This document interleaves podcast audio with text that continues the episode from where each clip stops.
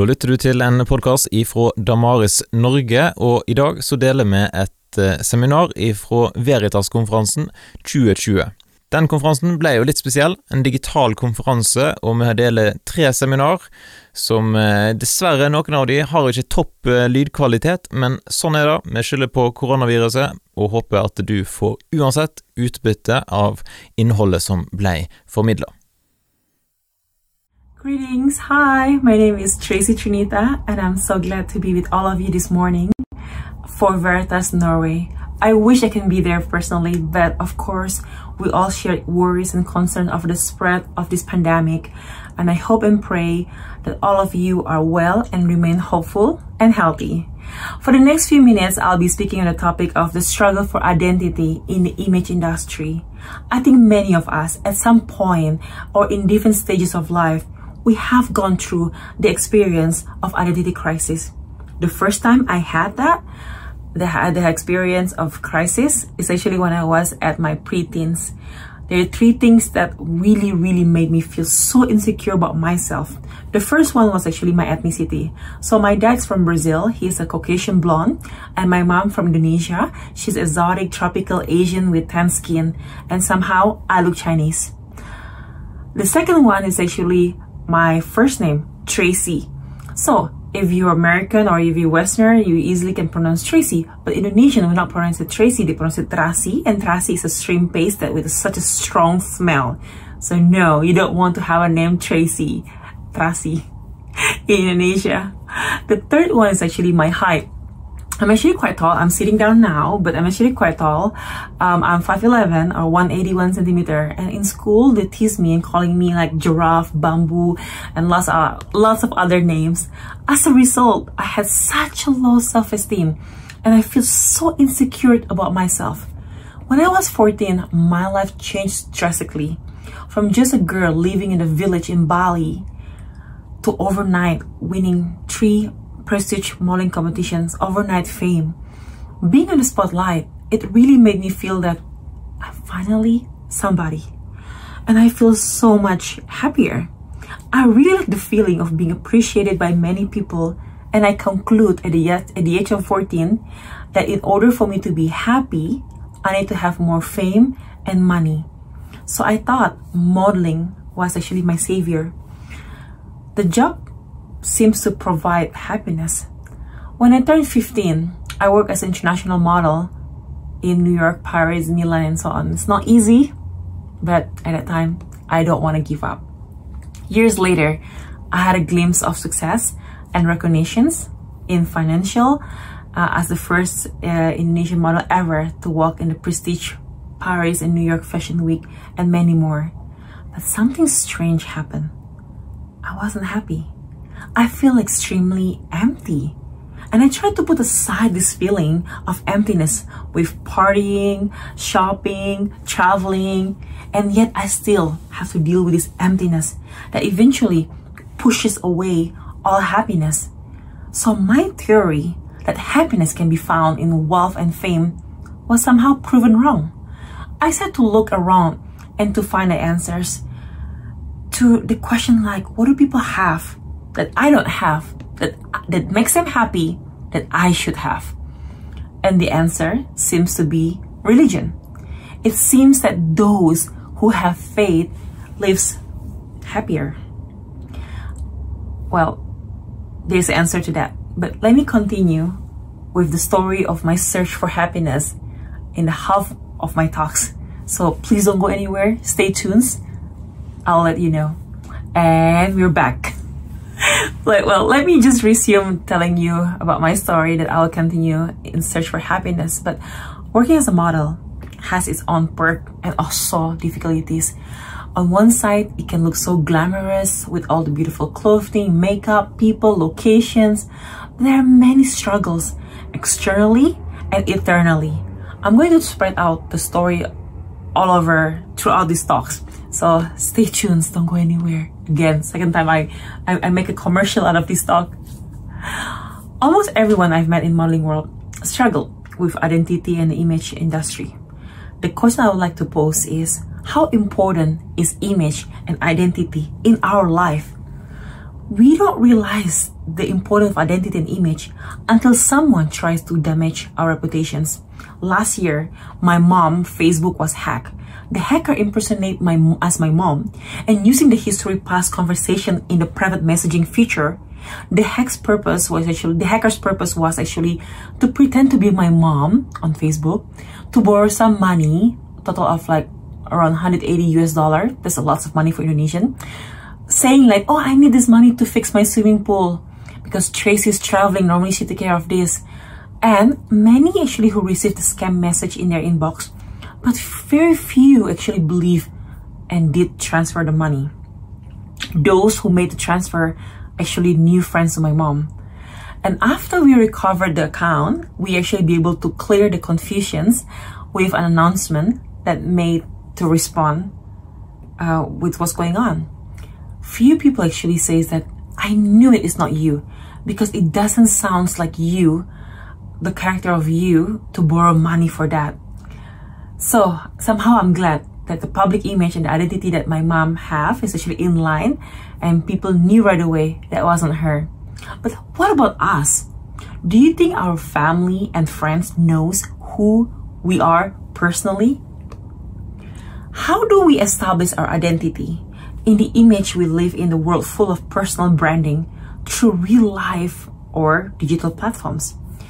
As we live in the digital era, we also know as a global village, in a world full of possibilities and of course limitations, we may use our digital privilege wisely for greater purpose than just for entertainment and pleasure. With that in mind, I would like to take us to three to cover three things today.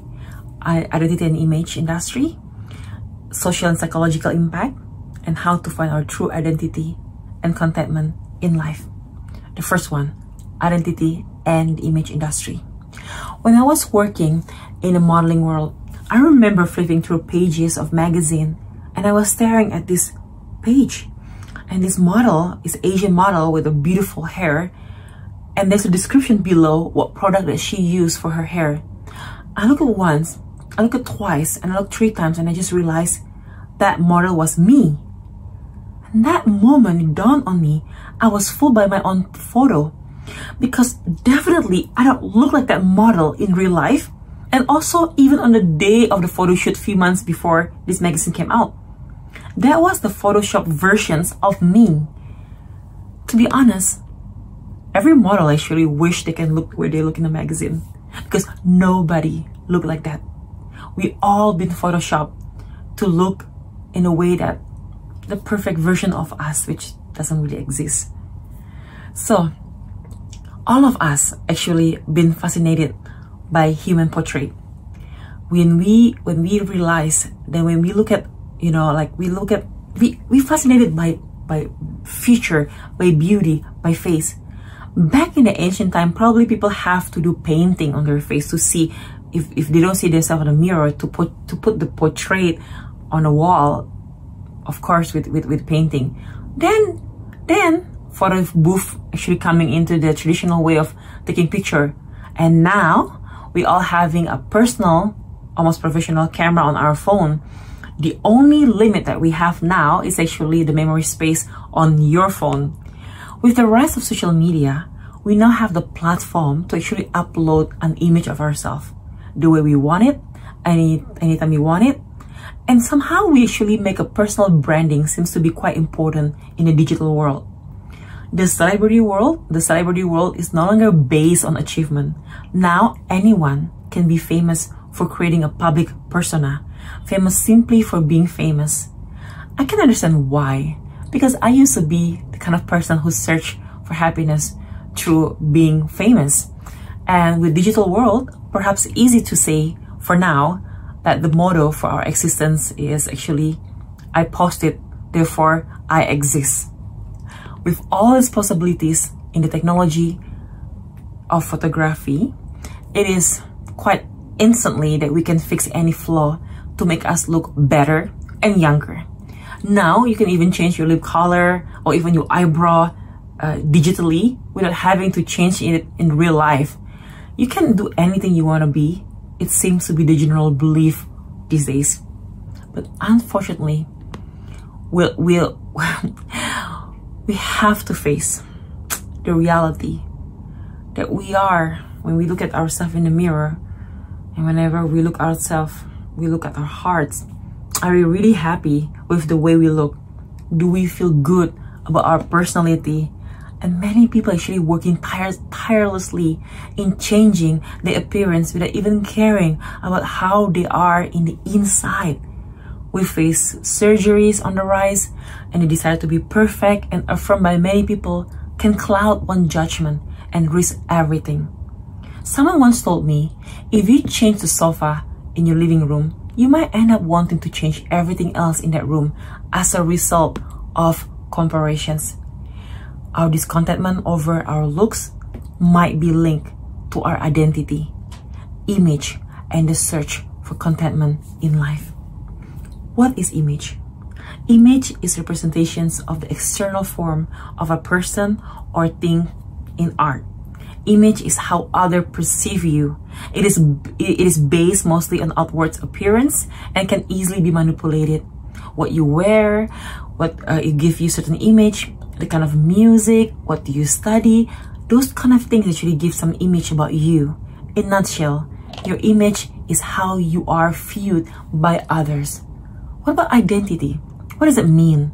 Well, identity is the, the fact of being, of who you are, what a person or things you are. The definitions of identity is who you are, the way you think about yourself, the way you viewed by the world, and the characteristic that defines you. In nutshell, our identity is that which identical about us in every situations.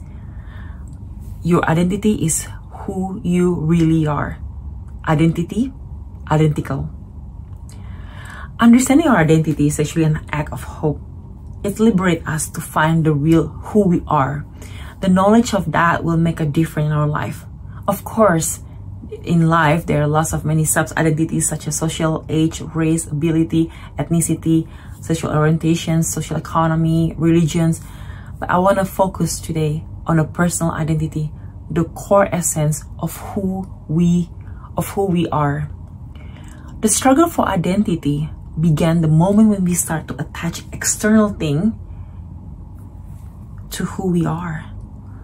The names we have, the social background, the educations, religions, many more as a way to impress people. We neglect that we are on the inside who's actually looking for his true identity. Many people forget that everything that we have is actually a gift from God. In fact, Tim Keller was actually once said, if you have money, power, status today, it is due to the centuries and place in which you were born, to your talents and capacities and health, none of which you earn. In short, all of resource are in the end the gift of God. What if everything that you have is taken away from you, is taken away from you, can you still be you? Who are you? Well, people will say you are who you are when no one is actually looking. Everything we have is a gift from God. How we use it is our thanksgiving to God. We are called to be who we are, the person we meant to be. Don't be somebody else. Don't try to be somebody else. Second, social and psychological struggles.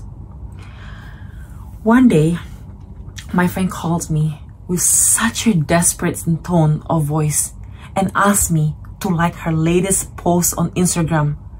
I was puzzled. So I asked, why? And she said it has been 30 minutes since she posted and no one liked her post, not even one person. It really made her feel so insecure then it dawned on me how the power of social media is actually changing the society. The girl is not the only one. I know so many people who decided to live above their means just to impress people on social media. And facial alterations is also on the rise. Public image branding on social media has become a war zone as people are bombarded with this so many images fashion now, buy this, use that, eat this, wear that.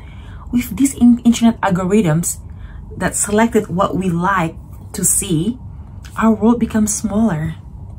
When it comes to anything on the cyber world, really depends on how we use it and what we use it for.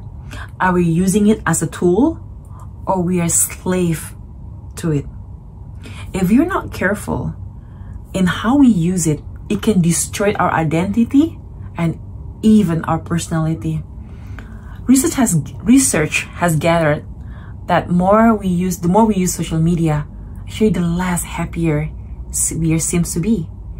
And for the younger audience, the parental control is so crucial.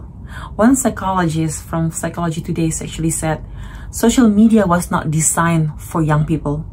A twin undeveloped frontal cortex, cortex can manage, can't manage the distractions nor the temptation that comes with social media use.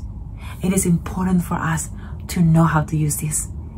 When we look at the world today, Norway alone, for example, the most popular social network in Norway, according to market share that published in July 29, 2020, Facebook led, led in the ranking of social network with the biggest market share in Norway.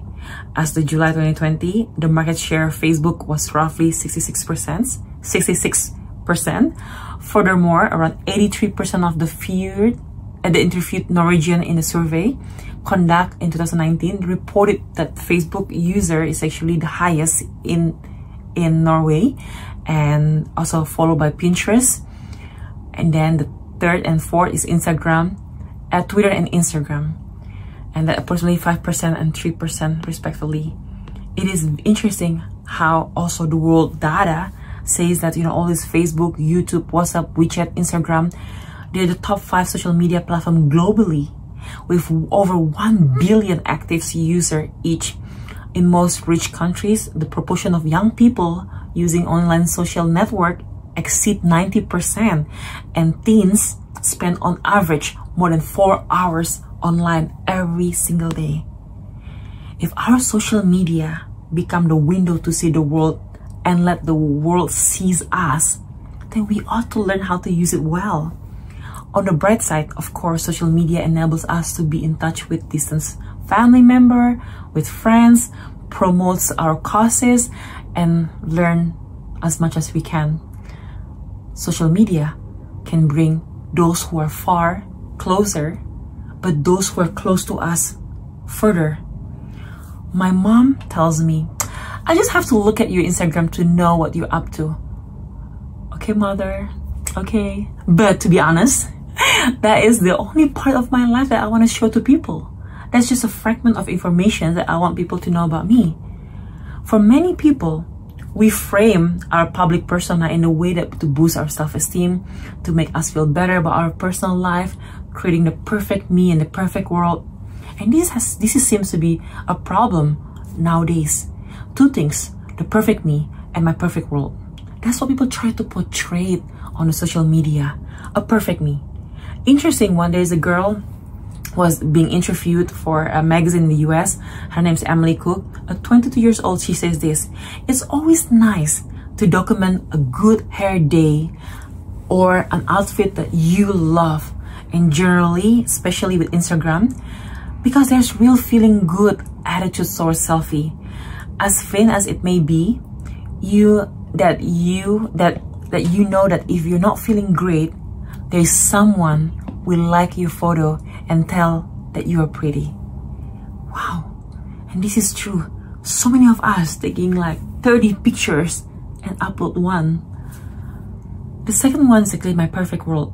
With the expanding presence of social media platform in our everyday life, it has blurred the line between reality and fantasy. Our obsessed society has produced a culture of showing off showing off things often that does not belong to us. Where do we learn to do this? I think the advertising industry has such a big role in this. Stuart McAllister from RZIM says this. It has become the job of the advertising industry to keep us in the state of permanent dissatisfactions and restlessness with who we are or what we have. The answer is always bigger, better, faster, or more like somebody else Words like enough, sufficient, and wait are derived in favor of having what you want now and immediately become who you really want to be. We are informed of our lack of something and then told it is ruining the quality of our life.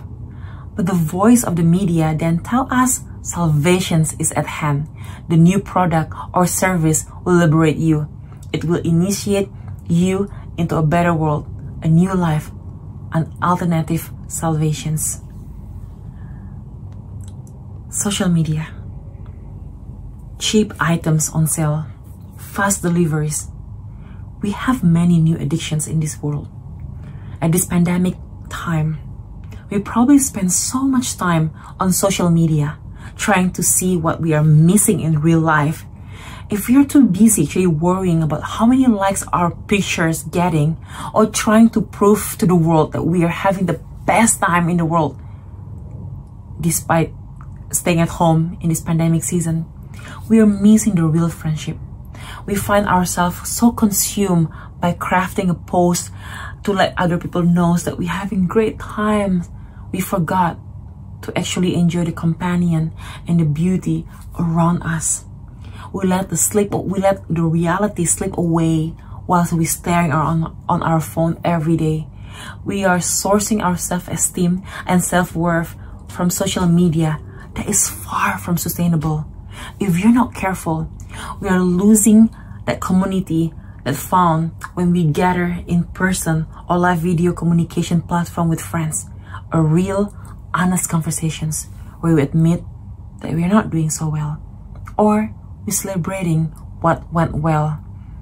John Piper reminded us in one of his books, he says this, if you can't see the sun, you'll be impressed with streets light. If you never feel thunders and lighting, you'll be impressed with fireworks. And if you turn your back on the greatness and majesty of God, you will fall in love with a world of shadows and short-lived pleasures. And he is so right. If we don't have the real deal, we end up using or enjoying the fabrication of it. We are we all searching for something to fill our hearts with wonder. I think only God is big enough to fill our hearts, enlighten our minds, and make our life more meaningful and purposeful their deep longing that reflects in how we use social media. Crying to be noticed, love, care, to be appreciated, to be understood, affirmed, supported, and many more other human longing screaming through the pictures that people posted. With so much going on on the inside and the outside, who can help us to be resilient in this life? Jesus, Jesus Christ, knows how tiring it is to live outside of heaven with so much pressure and burden. In the book of Matthew in the Bible in the New Testament, Matthew 11, 28 and 30, Jesus says this, Come to me, all of you who are weary and burdened. I will give you rest. Take my yoke upon you and learn from me, I'm gentle and humble in heart, and you will find rest for your souls. For my yoke is easy and my burden is light.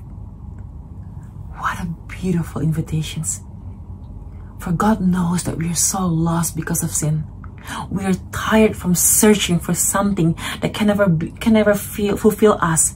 We are so lost in our identity search while trying to maintain an image in a public arena. We are made in the image of God. Imago Dei. That means resemblance with the characteristic of God in a smaller scale, of course. In a, it is a likeness mentally, morally, socially. Mentally, we are rational being, full of creativity of the mind. Morally, we are reflecting God's moral standard. We have a moral compass installed in our hearts. Socially, we are made for fellowship. We are reflecting the perfect love of the Trinity. We are hungry for relationship. physically. We are here because God wants us to be here. And there is a purpose in how He created us. And our physical creativity reflects God's power in creations. When sin entered the world, we begin to have perverted and distorted ideas about everything because that is what sin does. We begin to twist what is good, what is from God, to something that's never intended to be that way. We are so lost in our, in our in our true identity that we belong to God, that our life have purpose and meaning. And the problem of human is the problem of the heart. The danger is when we think that our self-worth is measured by how we look, by our brain capacity, by our achievement. Because we know those things are not permanent. One day, we will look older than we are right now. Our brain not going to be as sharp as we have now. Our achievement will be forgotten. Our body are afflicted by the effect of sins and it will decay. I hope and pray that it's not too late for all of us to realize that God is the only one we need when we have nothing left. But why don't we know Him sooner than just wait it until the end? How to find our true identity and be content in life. What is fame? We talk about the struggle for identity and image industry. It's interesting when we talk about fame, how many people want to be known. That's why people actually make sure that I post it, therefore I exist kind of mentality right now. Well, in the past, um, when I was in mid 20s, I went to study in UK and for three years. And when I went back to Indonesia, I went to a local market. No one recognized me. And one person will just say like, you look like a celebrity, but I forgot your name. And that was really a shock for me because I built my career for more than 10 years of working in the entertainment industry, all gone. In three years, I was away from the spotlight. But what sustained me through that changings of, of, of, of situations was actually my encounter with Jesus Christ. I shared earlier about my search for happiness as a model. It seems those who have religions are actually happier. The next question is actually which religion? Because my maternal grandfather is a Muslim, my grandmother is a Christian, my paternal side is a Catholic, and I grew up in a Hindu home, uh, Hindu in a home where we have Hindu temples. I'm sorry. Um, and at that time, Buddhism was on the rise in the Western world. And of course, if God doesn't exist, then atheism makes sense. So I prayed the prayer, God, if you exist, please reveal yourself to me. And he answered not in my time, in his way, in his perfect timing. From New York City, I moved to Paris. I had an encounter with an Indonesian student who took me to church. I saw something that is so appealing uh, as people worship, like a radiant on their face, super glowing as they worship. But at the same time, I don't want to really, really easily believe just anything at face value. In my search, I need to find out. I need to find out which one is actually the real God. So I'm doing kind of like auditions. You know how I used to work as a model and there's a casting directors and photographer will audition me. And this time I'm just like, I'm going to audition my fate. So I ask the same questions to all different belief system. I ask every each of them to find out which one is the right faith for me. To my surprise, the same questions didn't have the same answers. The question of origin, meaning and purpose, the question of destiny, all has different answers. Where do we go when we die? One belief says that we vanish, but another says, no, no, no, no, no, no, no. You'll be living a second life either as a plant, animal, or human. Depends on your past wrong. But another faith says that, no, no, no. It's a very simple math. Measuring your good deeds and your evil deeds, and which one is actually heavier, you'll be in heaven or you'll be in hell. But there is one voice out of many responses the voice says that you're a sinner. But you cannot save yourself. But for God so loved the world that he gave his only son, so whoever believes in him, not going to perish, but have eternal life in him. I was amazed that there is a God who loves us, that he wants us to be saved, to have restoration of life, that he, that he allowed his son to come down and save us, paying the ultimate price on the cross, the most expensive price, which is his life. And then he not just died, but he rose again. He displayed his deity to humanity. When I encounter the living God, Christ, after all my question, all my doubt has been answered, I ask for forgiveness and asking him to transform my life. And he did transform my view, my life, my view of myself, my identity, my image, my work, and my understanding of God. Finally, I realized that happiness is not in what I have, it's not in, in who I am, but in the person of Jesus Christ. He who left his wealth and fame in heaven to save us, to bring us to himself and to his kingdom. And my source of happiness is in Jesus Christ. He is more than enough. In 1 Corinthians 15:10 says, "But by the grace of God, I am what I am." What a liberations to know the one who created us is the one who redeemed us and to restore us from inside out. Timothy Keller says this, the Christian gospel is that I am so flawed that Jesus had to die for me, yet I'm so loved and valued that Jesus was glad to die for me. And this led to deep humility, humility and deep confidence at the same time. It undermines both swaggering and and sniffering and sniffering that I cannot feel superior to anyone, and yet I have nothing to prove to anyone. I do not think more of myself nor less of myself. Instead, I think of myself less. And that is so true for me. The, the moment I start to, to know God and know that I'm loved, I'm valued, and God died for me, for the first time I found liberations. I have nothing to prove to anyone, nor to prove to myself. And I end up thinking less of myself and more of Him. I just realized that the beautiful relationship that we have in Christ it's so different than what the world has offered. In the world, it's all about transactional, instrumental, value, or relationship. But with God, is intrinsic relationship. How is that difference? Well, imagine this. In modeling world, you have to do audition, right? So let's suppose you're a model. You come to the house of designers and I'm going to be I'm going, to give a compa- uh, contrast in the house of God. So this is the auditions of life. Imagine yourself that you're this person.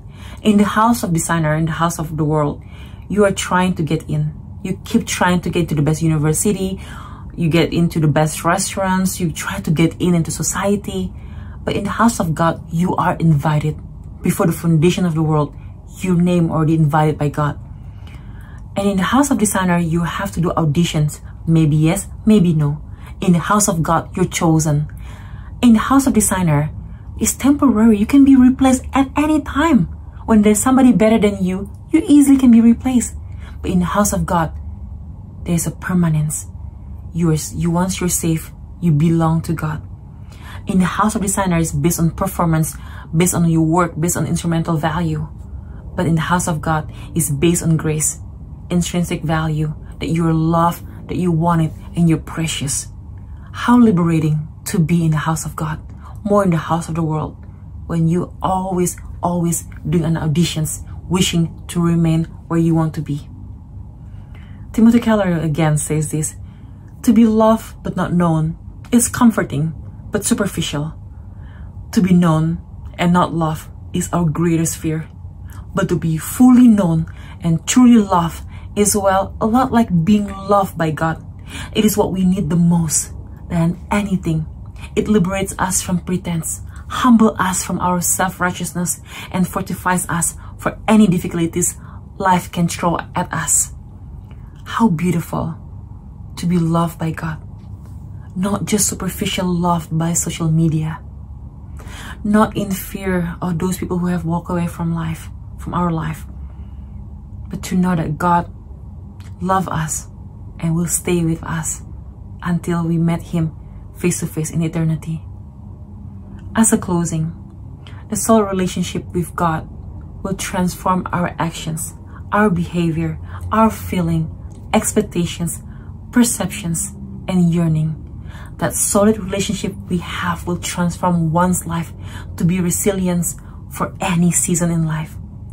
After I became a Christian, I was still working in the modeling industry for some times, but there's something radically changed. For the first time, I had a purpose in what I do. I wanted to bring honor to God.